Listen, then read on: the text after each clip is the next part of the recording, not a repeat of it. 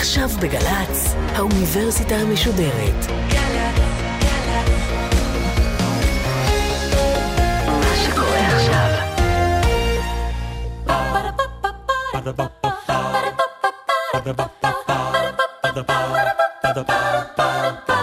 האוניברסיטה המשודרת מציגה מסע סביב רעיון, והסמסטר בחירה, והפעם לא בחרנו לראות. ענת בלינט מבית הספר לתקשורת המכללה למינהל על פרסום סמוי ובחירה. עורכת ראשית מאיה גאייר.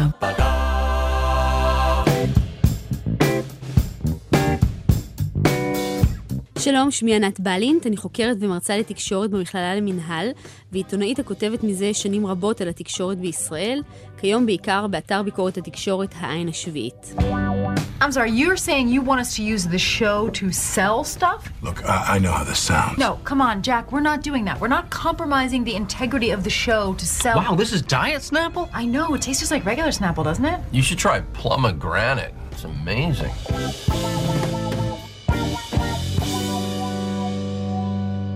קיץ 2003 היה נקודת מפנה בטלוויזיה המסחרית בישראל. זה היה הקיץ שבו פרצו תוכניות המציאות לחיינו, קצת אחרי שאר העולם, וזה גם היה הקיץ שאפשר לסמנו כמבשר פריחת הפרסום הסמוי בתקשורת המרכזית בישראל, שהוא נושא ההרצאה שלי היום. זה היה הקיץ של קחי אותי שרון בערוץ 2, שעסק ברווקה אחת שחיפשה אהבה. הקיץ הזה אתם מוזמנים להצטרף למסע שבסופו בחורה אחת תבחר את האחד שלה. וזה גם היה הקיץ שבו פרצה למסך כוכב נולד בעונתה הראשונה, עם ההופעה הבלתי נשכחת של נינט בפרק הגמר.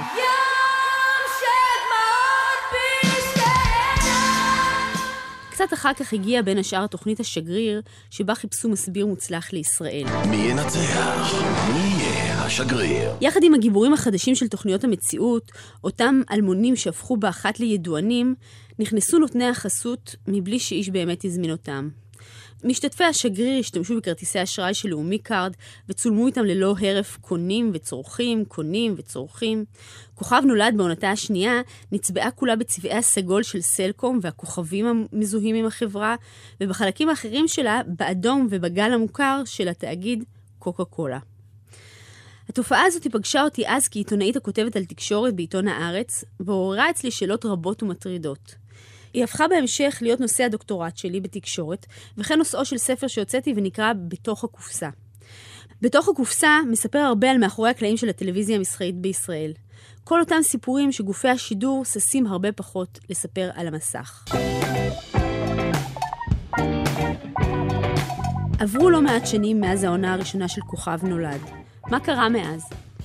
התופעה שמשכה את תשומת ליבי באותו קיץ, תופעת הפרסום הסמוי, התגברה לאין שיעור, ובעצם הפכה לשיטפון של ממש. היא כבר מזמן לא מזוהה עם תוכניות מציאות או עם סתם בידור, אלא קיימת בכל מקום. בתוכניות בוקר, בעיתונות המודפסת, באתרי החדשות המקוונים, ואפילו בסדרות תיעודיות. לא רק זאת, גם רשימת הגופים המזרימים כסף לגופי שידור ולגופי תקשורת בכלל, כדי לקדם את עצמם דרך פרסום סמוי, התרחבה מאוד. כבר לא מדובר רק בתאגידים גדולים, אלא גם בעמותות ואפילו במשרדי ממשלה. כך למשל, רק לאחרונה פורסם בתחקיר של העין השביעית כי מתחילת 2014 ועד אמצע 2015 הוזרמו לזכיינית של ערוץ 2 קשת כעשרה מיליון שקלים ממשרדי ממשלה שונים לצורכי קידום המסרים שלהם בתוכניות שונות. למשל, האח הגדול, מאסטר שף, תוכנית הבוקר של קשת, התוכנית חי בלילה והתוכנית הנשים. משרד התחבורה לבדו, כך חשף התחקיר, העביר לזכיינית המסחרית 3 מיליון שקלים כדי לקדם את מסריו בתוכניותיה השונות. הפרסום הסמוי הפך, אם כך, מטיפות כבדות על מסך הטלוויזיה ב-2003 לשיטפון של ממש. בלב התופעה עומד הניסיון ליטול מצרכני התקשורת את הזכות לזהות פרסום ולבחור לחמוק ממנו או להתנגד לו. אם פרסום רגיל ומזוהה ומסומן, וברור לכל בר דעת שמדובר בתוכן שנקנה בכסף, הרי שפרסום סמוי, המכונה גם תוכן שיווקי, מוטמע ומוסווה בתכנ... בתכנים המערכתיים, ואי אפשר לזהותו בנקל או להפרידו ממסרים אחרים.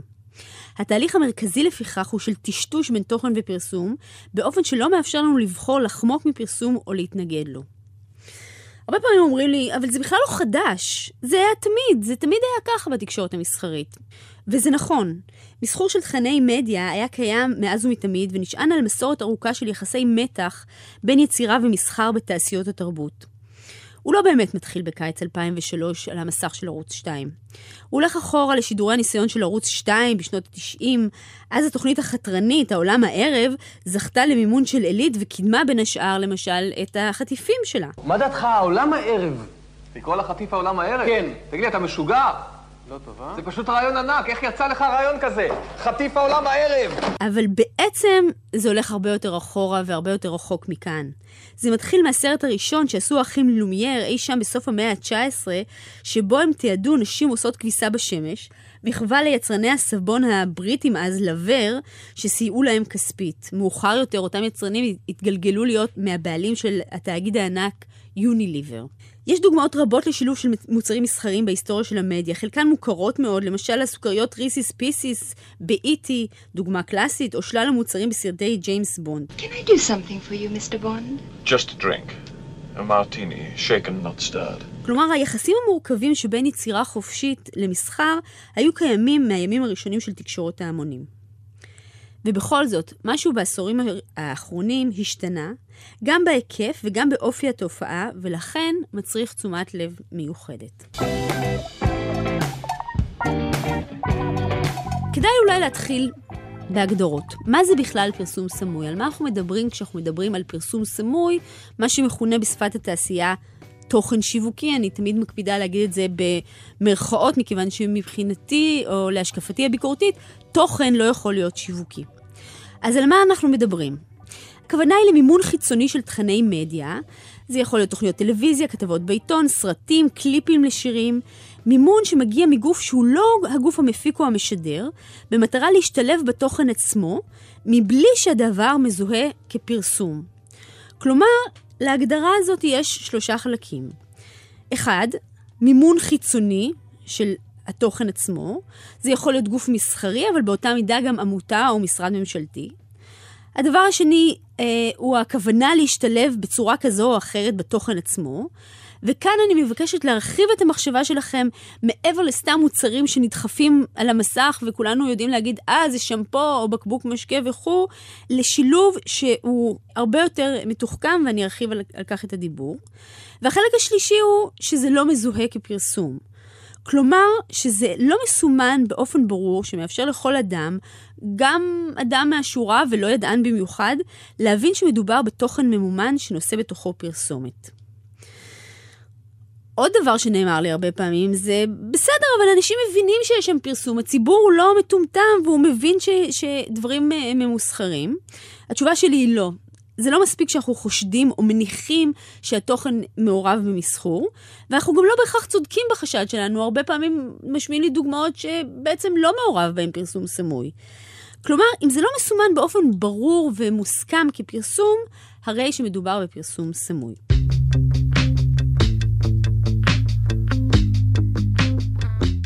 אז מה בכלל חדש בתופעה הזאת של פרסום סמוי? למה זה ראוי כרגע לתשומת לב מיוחדת? הרי אם זה היה קיים מאז ומתמיד, מה שונה עכשיו ממה שקרה אז בסוף המאה ה-19 עם האחים לומייר, או בתחילת שנות ה-80 עם הסרט המיתולוגי של ספילברג איטי? ראשית, בעוד שבעבר התופעה של פרסום סמוי הייתה מזוהה עם מה שנכון לכנות בעברית שילוב מוצרים, או בשם היותר מוכר Product Placement, אותו בקבוק משקה, או סיגריה ביד, או כרטיס אשראי, הרי שכיום פרסום סמוי לובש אופי מופשט וחמקמק, שקשה הרבה יותר לזהות אותו ולעקוב אחריו. פרסום סמוי כיום מתמקד בערכים או בעידוד לאורח חיים מסוים, ויבקש לממן תוכן שמשרת באופן עמוק את המסרים אותם התאגיד המסחרי רוצה להעביר. למשל, תנובה, המייצרת בין השאר מוצרים מופחתי קלוריות, הייתה מעורבת במימון שורה של תוכניות העוסקות באורח חיים דיאטטי. כולל התוכנית לרדת בגדול, למשל. דוגמה אחרת, מאתר החדשות ynet, יצרנית הטונה סטארקיסט מימנה באתר ynet מדור שלם, המכונה משפחה בריאה, רק משום שביקשה לזהות צריכת טונה עם אורח חיים בריא, ובדרך הזאת להילחם בפרסומים השונים אודות חומרים מזהמים הקיימים בדגים. מאפיין זה הוא חשוב, הוא לוקח את התופעה מסתם ניסיון מכירה של מוצר למנגנון תעמולה של ממש, מתוחכם ומוסווה. רוצים לרדת בגדול? תעשו את זה בכיף עם דיאט. מאפיין נוסף של הפרסום הסמוי הוא ההתמקדות במתן נוכחות ויזואלית לגופים נותני החסות, בעיקר מותגים גדולים, באופן שצובע את התוכן כולו בנוכחות של המותג. למה אני מתכוונת? אני מתכוונת לשימוש בצבעים, בלוגו או בפונטים של המותג, בכל מה שנותן בעצם מה שנקרא מראה ותחושה, look and feel, שמזכיר את השפה העיצובית של המותג.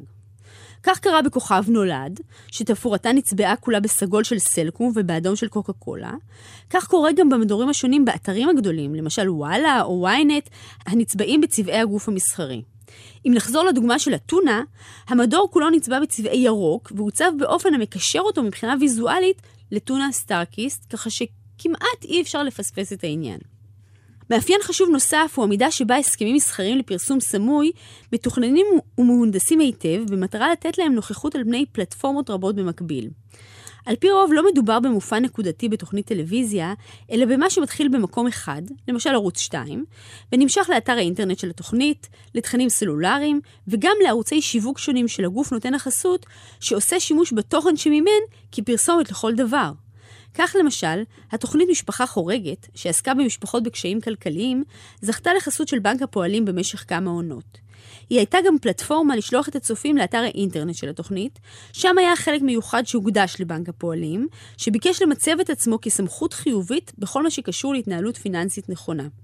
התוכנית גם שימשה פלטפורמה להניע את הצופים להגיע לסניפי בנק הפועלים, לסדנאות המשחזרות את מה שראו בתוכנית במסך הטלוויזיה. כעת אלון חוזר לצוות היועצים הכלכליים כדי להמשיך ולהתקדם בתוכנית הכלכלית. טוב, התקדמנו יפה סך הכל, אה?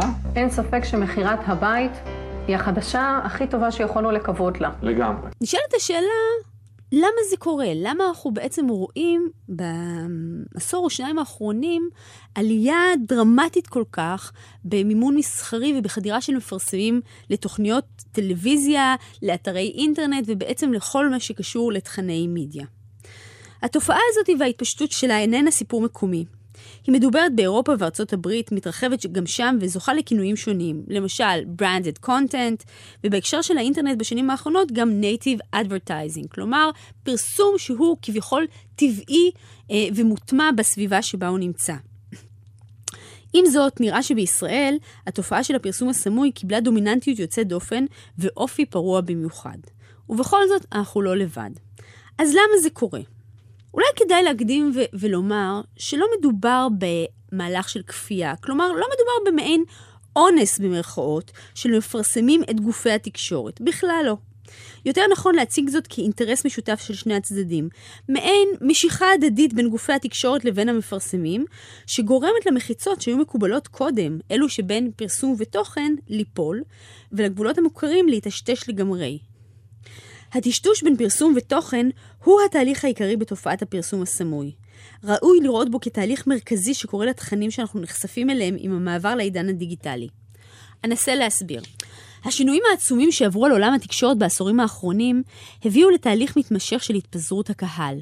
באנגלית קוראים לזה פרגמנטציה, פרגמנטיישן. זהו מעבר מכמה צינורות מרכזיים, המרכזים קהל גדול, למשל ערוץ 2 או העיתונים הגדולים בישראל, להמון ערוצי תקשורת שונים לצריכת מידע ובידור. הרי כולנו מכירים את המציאות הזאת. קהל מדלג בין ערוצים או צורך אותם בו זמנית, טלוויזיה, אינטרנט, סלולר, רדיו וכו' וכו'. השינוי המשמעותי ביותר בתהליך הזה היה כמובן הופעת האינטרנט באמצע שנות ה-90. ריבוי הערוצים ואובדן הקהלים הגדולים שחק מאוד את מודל הפרסום הרגיל, והחליש עד מאוד את גופי התקשורת הגדולים. הוא שינה את זירת המדיה מיסודה.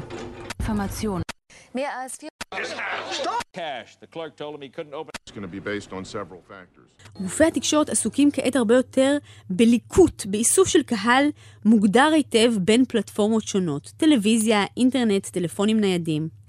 כך גם תאגידים מסחריים. הם מבקשים לתת למותגים שלהם נוכחות במרחבים רבים בו זמנית, במטרה לתפוס את הקהל הרלוונטי.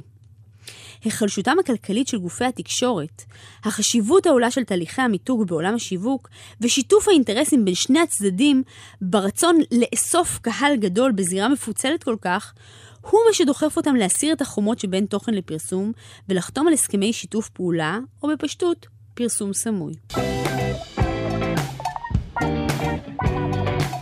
התופעה הזאת, אני טוענת, היא בעייתית ומדאיגה מאוד. היא מציבה איום של ממש על, על יכולת הבחירה שלנו כצרכני תקשורת ועל התפקיד של התקשורת בחברה דמוקרטית. השאלה למה פרסום סמוי הוא תופעה מטרידה ובעייתית, לא כל כך קלה למענה, כך אני למדתי משיחות רבות שניהלתי עם פרסומאים וגם עם צרכני תקשורת ואפילו עם יוצרים. לא לכולם ברור מדוע פרסום סמוי הוא תופעה מטרידה, שאני טוענת שראוי יותר לראות אותה כסוג של זיהום. בלב הבעיה עומדת ההצפה של המרחב הציבורי, כלי, כלי תקשורת ההמונים שבהם מתקיים השיח הציבורי, במסרים שטבעם הוא מניפולטיבי. מסרים שמוצגים כחלק מהשיח שלנו על הנושאים המשותפים לנו, אותם נושאים המשותפים לנו ומטרידים אותנו כציבור של אזרחים, אך למעשה, מבלי שנהיה מודעים לכך, הם נועדו לשרת אינטרסים מסחריים של תאגידים, למטרות רווח פרטי. תופעת הפרסום הסמוי נוטלת מאיתנו את יכולת הבחירה. האם אנחנו מעוניינים להיחשף למסרים מסוג זה, שאנחנו לא בהכרח ערים לטבעם? היא גם נוטלת מאיתנו את היכולת לצריכה ביקורתית, כמו שאנחנו מפעילים בדרך כלל לגבי משהו פרסומת. כך אנחנו מוצאים את עצמנו מוצפים במסרים מסחריים מכל עבר, מבלי שבחרנו בכך, ומבלי שיש לנו אפשרות של ממש להימלט מהם. הזכות לזהות פרסום ככזה ולהתייחס אליו באופן ביקורתי מעוגנת גם בחוק הגנת הצרכן בסעיף 7ג1, הקובע כי, אני מצטטת, פרסומת העלולה להביא אדם סביר להניח כי האמור בה אינו פרסומת, יראו בכך פרסומת מטעה, אף אם תוכנה איננו מטעה. כלומר, גם אם טונה סטארקיסט מפרסמת תוכן כלשהו שהוא לא בהכרח שקרי, עצם העובדה שאיננו מזוהה כפרסומת מטעם טונה סטארקיסט, כבר יש בה דבר שעומד בניגוד לנוסח של חוק הגנת הצרכן. הוא זכה לאחוזי צפייה גבוהים יותר ממהדורות החדשות בטלוויזיה, המליך כוכבים, חשף עוולות וניסה להציג את הפרצוף שלנו ברשת החברתית, אבל את סטטוסים מצייצים כבר לא תוכלו לראות בפייסבוק. העמוד הפופולרי נסגר אתמול סופית בעקבות חשיפת פרסומים סמויים בניגוד לחוק של פייסבוק. איך זה שהפרסום הסמוי משגשג למרות שהדבר לכאורה מנוגד לחוק הגנת הצרכן? שאלה מצוינת. ראשית, משום שגופי הפיקוח כשלו עד היום לטפל בתופעה באופן יעיל, לצמצם אותה ולחייב סימון נאות במקומות שהיא קיימת. שנית, הסוגיה טרם הולכה באופן רציני בפני בית המשפט. עתירה שהוגשה לאחרונה נגד אתר ynet בשל פרסום סמוי, יכולה להיות אבן דרך ראשונה בהתמודדות של מערכת המשפט עם התופעה. עניין נוסף שהוא בעייתי בתופעת הפרסום הסמוי.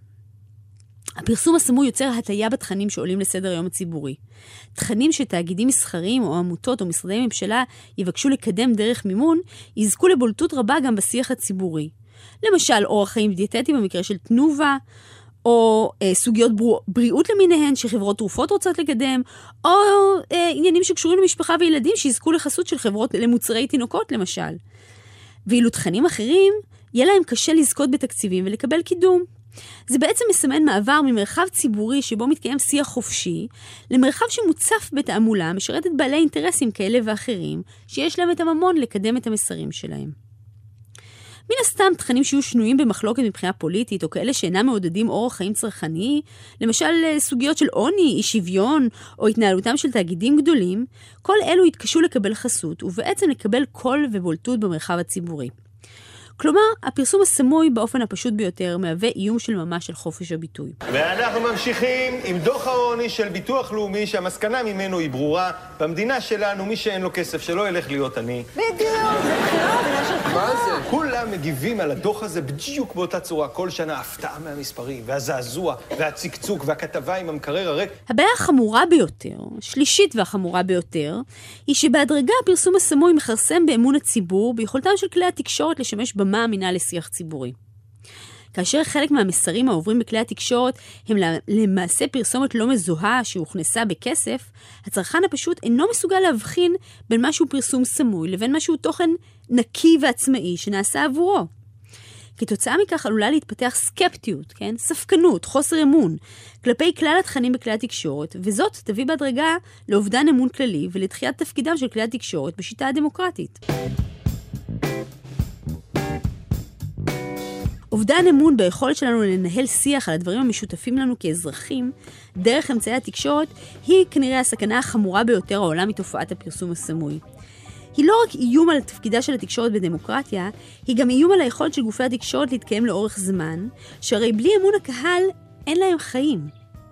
במובן זה, התופעה של הפרסום הסמוי אמורה להטריד לא רק את האזרחים או את מי שמפקח על גופי התקשורת, למשל הרשות השנייה, אלא גם את מחוללי התופעה, המנהלים הבכירים בגופי התקשורת ובעלי כלי התקשורת.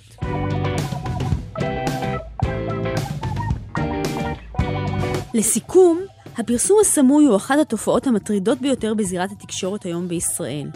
הוא חדר ללב העשייה העיתונאית ולגופי התקשורת המרכזיים, ומהווה איום של ממש על היכולת של כלי התקשורת למלא את ייעודם כבמה חופשית לשיח ציבורי. במדד הפרסום הסמוי שהתפרסם השנה בעין השביעית, ואני, גילוי נאות, נטלתי בו חלק, ניסינו לבדוק את מצב אתרי האינטרנט הגדולים בעברית, וגילינו תמונת מצב עגומה בכל הנוגע לפרסום סמוי. כל אתרי החדשות המרכזיים מעורבים בתופעה, בהם וואלה, מאקו, גלובס. האתר הבעייתי ביותר, כך מצאנו לפי המחקר שערכנו, הוא גם הפופולרי ביותר בישראל, ynet. התוצאות האלו מעוררות מחשבות עגומות על היקף התופעה ועל רמת התוכן אליו נחשפים צרכני התקשורת בעברית. התופעה מחייבת התמודדות בחקיקה, בעיקר תיקון בחוק הגנת הצרכן שיחייב סימון ברור של כל, של כל מה שיש בו פרסום, גם פרסום מהסוג החדש הזה שמתיימר כביכול להיות לא פרסום. החוק החדש חייב להתמודד עם האופי החמקמק של התופעה, ולקבוע שבכל מקום שבו נמצא מימון של גורם חיצוני, יש לפרסם גילוי ברור כי מדובר למעשה בפרסומת. מה יכולים צרכנים לעשות כדי להשיב לעצמם במידת האפשר את זכות הבחירה? ראשית, אפשר לקבוע ככלל אצבע כי תכנים המיוצרים במודל שאינו מבוסס פרסום ייטו להיות נקיים יותר מבחינת פרסום סמוי.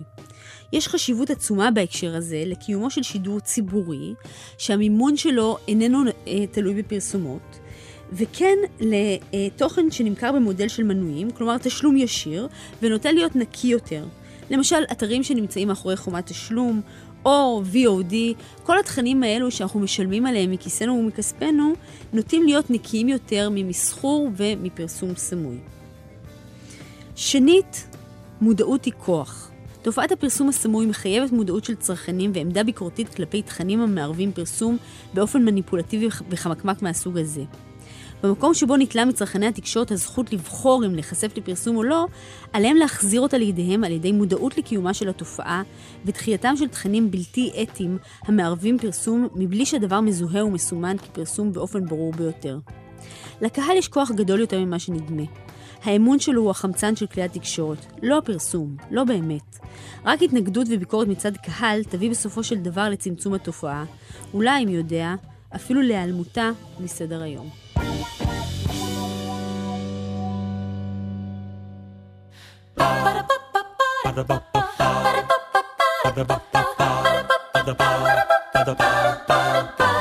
האוניברסיטה המשודרת, מסע סביב רעיון. ענת בלינט מבית הספר לתקשורת המכללה למינהל, על פרסום סמוי ובחירה.